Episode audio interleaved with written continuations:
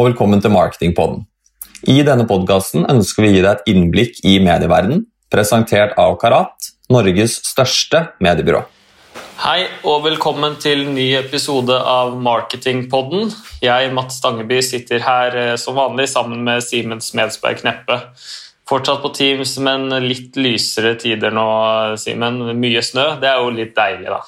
Det er veldig deilig. Eh, mye snø, litt, rann, litt både lysere tider. Det blir ikke like fort mørkt. Det er jo alltid deilig. Eh, og som vanlig så er det en ny uke. Vi skal snakke med nye, spennende mennesker om nye, spennende, nye spennende temaer. Eh, og vi har jo snakket om veldig mye digitalt både hittil, Mats. Hva skal vi snakke mer om i dag? Ja, i dag skal vi gå litt eh, holdt jeg på å si back to basics. Vi skal snakke litt om DM, kundeavis, kundedata, de tingene der. Og da har vi jo fått med oss to veldig dyktige personer. Eh, Trine Sortedal og Thomas Horn, som eh, begge jobber i Karat. Så jeg tenkte at dere kunne få lov til å introdusere dere selv. Vi kan starte med deg, Trine. Hei, mitt navn er Trine Sortedal. Jeg jobber på innsiktsavdelinga i Karat. Eh, der jobber vi egentlig med all slags type innsikt. Vi jobber med målgruppeanalyse og segmentering. Vi jobber med merkevaretrekking, posisjonering, driveranalyse, konsepttesting. Egentlig alt. Vi er et lite innsiktsbyrå inne i et stort mediebyrå og kan levere det meste. Og deg, Thomas? Ja, hei, hei dere. Jeg heter Thomas eh, Horn, og jeg jobber på strategiavdelingen i Karat, der jeg leder eh, området CRM, eh, hvor vi jobber med ja, kundedata og inn mot de respektive kundene for å hjelpe og bistå med markedsføringen. Ja. Jeg tenker vi skal gå rett på litt med Karat og disse produktene vi har, eh, særlig med kundeavisen, som står sterkt hos oss. Eh, starte å gi en rask introduksjon eh, om det, Thomas? Ja, Karat vi er jo et mediebyrå som har veldig mange retail-kunder. Og for disse retail-kundene så står jo kundeavisen, eller DM som du nevnte, veldig sterkt fortsatt. Eh, og det har det vært fokus på eh, å ha en god effekt på DM-en både nå før eh, covid-19, men definitivt også under. Og det vi, både jeg og Trine, har jobbet en del med nå, det er jo å se hvilken, hvilken innsikt gir denne DM-en nå under covid. Og også hvordan vi jobber med Eh, kundeavisen eh, for å oppnå mest mulig effekt for våre kunder. Spennende. Eh, I vår så gjennomførte dere flere undersøkelser hvor dere bl.a. tok en både titt på hvordan har covid-19 både påvirket vår holdning til reklame i de ulike kanalene. Stemmer ikke det? Jo, eh, det stemmer. Vi kjørte tre undersøkelser eh, hvor vi så litt på hvilke kanaler man foretrekker å motta informasjon og reklame i. Eh, litt hvordan våre kjøpmønster og informasjonsinnhenting forandrer seg under covid-19. Og litt hva man gjør med den, de kundeavisene eller den reklamen man får i postkassa. Fokuset var jo på postkassa som kanal. Eh, og det vi ser, er jo at reklame i postkassen er noe som til tross for at kanskje blir sett på som et stort irritasjonsmoment, eh, er noe befolkninga liker. Altså Vi ser at 29 eh, sier at de liker reklame i postkassa. De er faktisk ganske eller meget positive til dette. Og det er, høres kanskje ikke så mye ut, men postkassa er faktisk den kanalen flest er positive til å motta reklame i, etterfulgt av utenlandsreklame, TV og Internett. Mm. Um, og så er det jo et faktum at folk generelt sett ikke liker reklame. Så man har jo en stor andel som svarer at de ikke liker det òg. Uh, men det er absolutt ikke postkassa som er den store uh, Eller den hvor flest misliker reklame. Det er mer mobiltelefonen. Den vil vi gjerne ha i fred. Ja, det er interessant, Trine. Det syns jeg var litt overraskende. Eh, og reklame i postkassen er jo en eh, litt sånn som man hører folk kan være litt irritert over, eh, som man uttaler. Men hva tror du er årsaken til at en forholdsvis stor andel svarer at det faktisk er positivt med reklame i postkassen? Eh, altså, dette var jo spørsmål som ble stilt til alle, både de som er reservert og de som ikke er reservert. Eh, så en del av disse har jo da tatt et valg om å motta, så det er, er nok noe med det òg. Men jeg tror hovedårsaken er at man ikke blir forstyrra i noe man allerede gjør. Eh, man går og henter posten, og man får eh, reklame i postkassa, og man har man sitter ikke og prøver å se en serie eller høre på noe annet, eller gjøre noe sånt det kommer, men det er det man gjør der og da. Og så kan man i større grad legge det vekk om man ikke har tid der og da, og ta det fram igjen seinere. Man blir ikke avbrutt. Eh, mm. og så er det jo klart, så har man jo det valget at man kan reservere seg hvis man har lyst til det. Mm. Ja, og det er vel eh, typen helt klart noe med dette både aktive valget, da, som du sier at eh, Eh, typ, det er ikke noe du blir eh, typ, eksponert for uten at du selv velger det. Du kan både legge det bort, eller du kan også hente det frem. Eh, men jeg vil også tro at det er vel veldig stor måte, forskjell på hvem er det man vil ha måte, reklame fra. for Du vil vel ikke ha det fra hvem som helst. Det er helt sikkert både noen som liksom, stikker seg ut litt mer på det typiske hva skal kalle det, kundeavisannonsørene. Ja, altså, vi så jo litt på hva, hva man vil ha Eh, reklame eh, fra i postkassa. Eh, det er jo som med postkassa som med alle andre kanaler at man er interessert i reklame for det man interesserer seg for. Så det må jo være relevant for de som mottar det, og Thomas skal jo prate litt senere om hvordan vi segmenterer for å treffe de ting er relevant for. Men vi ser jo at det er spesielt dagligvare som står sterkt, og det er det folk er interessert i mm. å lese om og se på. Eh, og så er det jo da elektronikk eh, eh, som er interessant. Det, det, det, kommer veldig an på, eh, på interesse. Vi ser ganske store forskjeller på kjønn. Men vi ser, og vi var jo litt inne på det, man kan sortere vekk det man ikke er interessert i, og beholde det man, man er interessert i. Ja.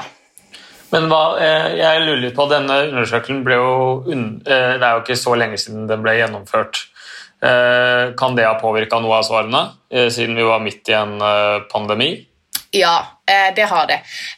Vi stilte et spørsmål som Bring òg stilte i 2015.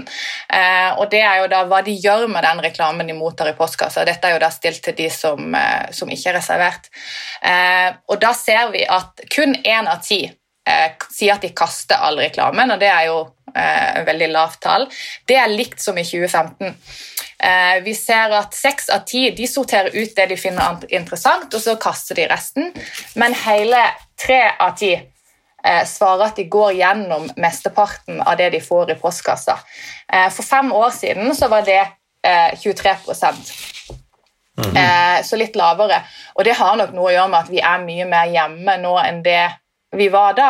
Det er veldig mange som sitter hjemme på hjemmekontor. Vi har litt mer tid eh, til å se igjennom. Og vi har òg litt mer tid til å ta det fram igjen seinere eh, hvis man ikke har tid eller lyst til å se på det akkurat der og da. Mm. Eh, så eh, det er en av de forskjellene vi ser. Det er jo i disse dager som vi er inne i nå, og sånn som det var når vi gjennomførte undersøkelsen i mars-april, mindre muligheter for å orientere seg i fysisk butikk. Eh, så vi spurte jo hvordan pandemien hadde påvirka, og da svarer én av fire at de benytter kundeaviser eller kataloger i større grad enn før. Og det, dette her er en teori fra min side, tror jeg vil bli opprettholdt litt eh, framover, faktisk. Mm. Ja, at det typ liksom, på en måte, rett og slett er på en måte litt mer tilgjengelig, som du var inne på, enn, en man også var på det før. Eh, mm. Jeg tenker jo En ting som jeg synes er litt interessant, at det er jo ekstremt både mange av oss eh, som rett og slett setter et klistremerke på type på postkassen vår og sier at nei takk, vi har ikke lyst på noe. Eh, hva gjør man med de? For Jeg vil jo tro at det også er et ganske stort antall. Ja, det er jo eh, ca. halvparten eh, som har de klistremerkene på. Noen har jo gjort et aktivt valg med å klistre det på sjøl, og noen overtar jo bare en postkasse med disse klistremerkene på allerede. Mm. Eh, og det er jo litt dumt, for vi ser jo at nesten halvparten av de som har reservert seg mot reklame, likevel ønsker å motta kundeavis fra en eller flere bransjer i en begrensa periode, selv om de faktisk har reservert seg. Og igjen så ser vi jo da at det er dagligvarer som kommer på topp, eh, og at de andre kategoriene da varierer på, på kjønn og, og, litt på alder, altså rett og slett på interesse. Ja. Sånn at eh, Det som kunne vært litt interessant, var jo hvis vår bransje og Bring hadde gått sammen om å prøve å finne en løsning eh, for hvordan vi skal kunne nå disse Det er klart at De kan jo gå inn og si ja til adressert reklame, men det er jo en litt tyngre vei. Så det blir spennende å se om vi kan finne noen god måte å løse dette på i framtida. Absolutt. Eh, Jeg blir jo litt interessert nå i å rett og slett fjerne den nei-takken jeg har på postkassa mi, så det er inspirerende å høre på deg, Trine. Eh, Når vi jobber, vi jobber jo digitalt først og fremst, Simen og jeg, og da er det veldig mye fokus på å treffe målgruppene, og vi har jo masse datapunkter og mange måter å gjøre dette på som er smart og som går fort og alle disse tingene her. Og nå når man skal bruke en kundeavis eh, som er på en måte en fysisk reklame i større grad, så eh, lurer jeg litt på hvordan man jobber med å distribuere det til riktige kunder. Hvordan jobber man med målgrupper og treffe de? Kan du fortelle litt om det, Thomas? Eh, ja, eh, når det gjelder målgrupper, så er definitivt det også eh, veldig viktig i forhold til kundeavis. Og kundeavis er jo ofte en veldig stor andel av annonsørens eh, mediebudsjett. Derfor er det enda riktigere å treffe de riktige kundene. Og som, eh, som en partner, eh, som et mediebyrå og som en objektiv partner i den setting, så er det viktig for oss å kunne gi de mest mulig transparente og, og, og riktige forslagene til hvordan man skal jobbe med kundeavis, og, og ikke minst distribuere den kundeavisen som man investerer såpass mye i. Eh, og det er jo da eh, viktig for oss å kunne jobbe på samme måte med Bring, som er nevnt her, men med både A-Media og Schibsted, som også er distributører av kundeavis, enten i postkassen eller på på, på dørmatten. Um, og jo mer data, for å ta det som et viktig punkt, da, jo mer data en annonsør har om eh, sine kunder, jo bedre er det å kunne bruke det også i det vi kaller optimaliseringen, og finne ut hvor det er vesentlig. Eh, kjøretidsavstand i forhold til en butikk, det er et veldig viktig eh, punkt. Men annen type data, kjøpsdata i forhold til hvor kundene faktisk eh, bor, de som er gode kunder, eh, hvis du kaller det low, medium og, og, og high, så kan det gi gode indikasjoner som kan være med på å styre distribusjonen. Og for vårt vedkommende så har vi i mange år jobbet med ja, si, avanserte geoverktøy som vil gi oss muligheten til å legge eh, lag på lag av informasjon for å ta riktige og smarte beslutninger. For dette er jo Ofte så distribueres det jo kundeavis stort sett i hele Norge, og for å få overblikk over hvor det er riktig å treffe rundt f.eks. 300 butikker, som ofte en retail-kjede kan ha, i hvert fall innenfor dagligvare, eh, så er det vesentlig å bruke data og også visualisere dette på en eh, god måte. Men handlemønster, eh, produkter og, kjøretidsavstand det er eh, ting som er eh, viktig å kunne bruke for å legge en god distribusjonsplan. Mm. Eh, jeg må jo si at dette kan jo mest sannsynligvis eh, si, bidra til en del utfordringer. Det er nokså Eller ikke nokså, det er veldig komplekst. Så hvordan er det man gjør dette praktisk? Altså, hvordan er det man, eh, hvordan er det man på det legger opp denne planen for å oppnå en så god distribusjon som overhodet mulig? Ja, vi har jo sett at uh, visualisering er et veldig uh, godt element for å vise faktisk hvor denne distribusjonen finner sted. Uh, og da kommer jeg litt tilbake til det geoverktøyet som vi benytter, hvor vi kan legge da veldig avansert data inn og få veldig enkle bilder og kart ut. Eh, og disse bildene og, og kartene da, de viser med enkelhet hvor det er riktig og mest effektivt å kunne ha eh, distribusjon.